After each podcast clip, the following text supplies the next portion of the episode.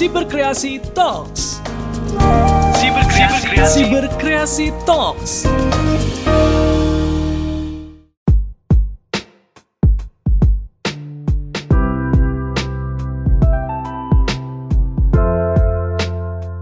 Halo netizen asik Indonesia, saya dengan Devi Rahmawati, pegiat literasi digital dari Universitas Indonesia. Oke, eh, teman-teman, hari ini saya akan mengajak kita semua untuk merayakan keberkahan yang hadir di ruang digital, karena sebenarnya ruang digital tidak hanya menghadirkan bencana, tapi juga keberkahan. Kalian tahu apa saja keberkahan-keberkahan itu? Mungkin ada yang sudah terobsesi lama menjadi seorang YouTuber.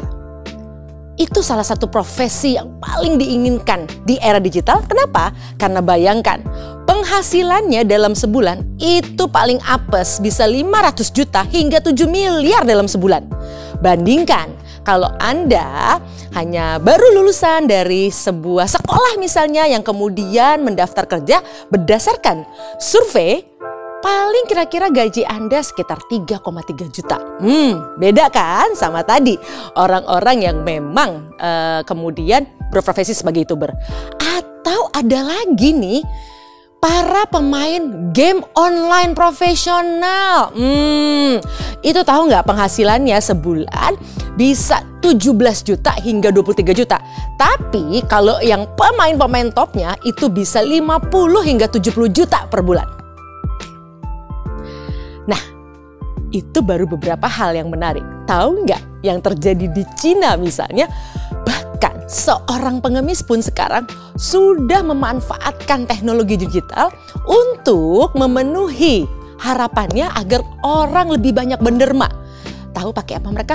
Mereka sudah pakai QR code. Jadi mereka tidak lagi menggunakan uh, tempat untuk meminta recehan Anda, tapi mereka memiliki kertas yang berisi QR code lalu Anda tinggal men-scan dan maka sumbangan Anda bisa mengalir ke uang digital mereka.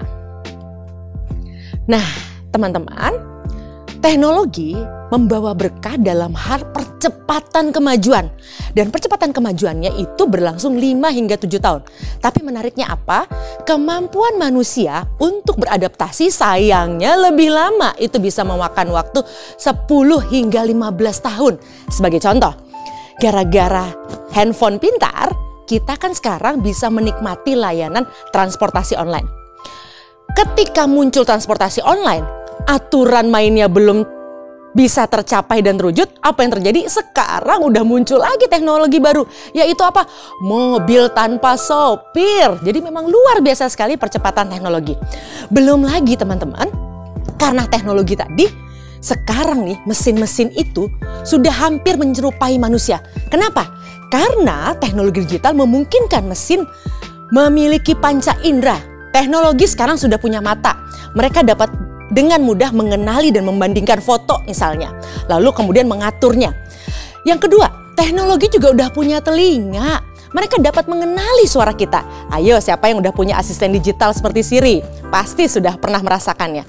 Belum lagi teknologi juga mempunyai mulut. Kenapa? Mereka sudah bisa menjadi tour guide.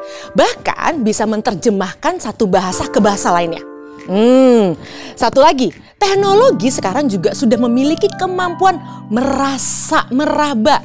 Tahu nggak apa? Karena dengan teknologi sudah bisa membantu kita untuk memindahkan barang, mengangkat barang, bahkan menduplikasi organ dengan teknologi yang disebut dengan 3D printing. Nah, sekarang manusia dapat menggunakan seluruh kekuatan teknologi hanya dengan satu sentuhan, gerakan ataupun kata-kata. Yang menarik juga adalah kalau teman-teman sering dengar nih, mungkin udah uh, ring a bell ya dengan kata-kata teknologi Internet of Things atau IoT yang dampaknya apa? Membuat semua hal menjadi lebih cepat, lebih cerdas, lebih murah, dan lebih mudah. Tahu contohnya apa? Teknologi kecerdasan buatan misalnya. Dia bisa membantu proses inseminasi buatan pada sapi. Tahu ya, hewan sapi ya. Nah, dengan teknologi buatan tadi, kalau kita memanaskan sapi nih, kata para ahlinya, kalau 4 jam aja bisa diprediksi sapinya itu nanti akan berjenis kelamin perempuan. Tapi kalau 8 jam dipanasinnya, maka dia berpeluang berjenis kelamin laki-laki. Nah, karena apa? Semua kecanggihan itu bisa terjadi karena kita sekarang memasuki era yang disebut dengan nama supernova.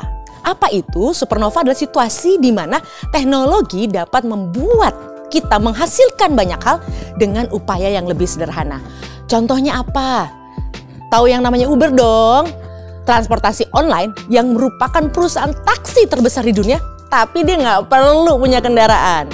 Belum lagi Facebook, perusahaan media yang paling hits populer di dunia. Tapi dia nggak punya konten sedikit pun. Alibaba, pasti teman-teman udah ngit dong. Alibaba pedagang online yang paling berharga juga dunia. Dia juga nggak punya atau yang namanya gudang penyimpanan. Belum lagi Airbnb, perusahaan akomodasi terbesar di dunia. Gak ada loh mereka punya satupun properti. Nah, pertanyaannya sekarang, apakah kita perlu takut kalau nanti teknologi dengan segala kecanggihan mesinnya akan menggantikan manusia. Hmm, tenang teman-teman, gak usah khawatir. Arvin Krishna, pimpinan riset IBM, ngomong nih dia. Kita perlu tahu bahwa teknologi itu dia sebenarnya tidak akan menggantikan kita. Yang teknologi bisa lakukan adalah dia akan mempelajari pola-pola kehidupan dan ilmu yang ada, lalu sang teknologi tadi dia akan mengingat, memahami, lalu menyimpan semua pola atau kejadian yang ada, tapi mereka tidak akan menciptakan sesuatu. Mereka nggak akan mungkin mampu menciptakan sesuatu. Nah, contoh nih, teknologi atau robot. Nah, orang sering takut nih, waduh, hidupan ke depan akan digantikan robot. Hmm, ini contohnya.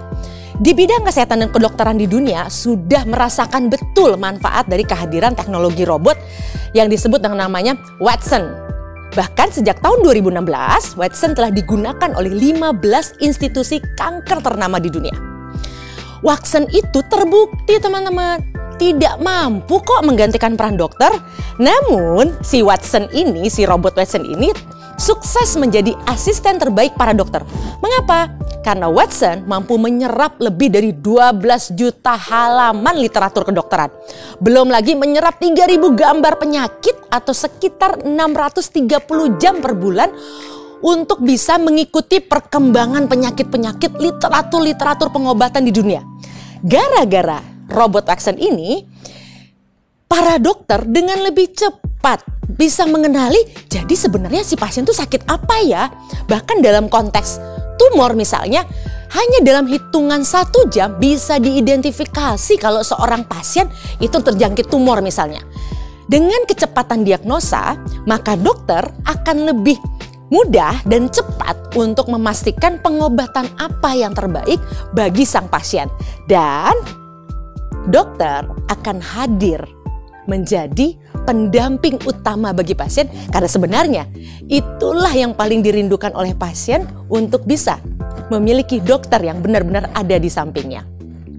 Jadi segala yang lebih rumit itu menjadi lebih irit dari segi waktu, dari segi uang dan sebagainya dalam konteks uh, kehadiran teknologi.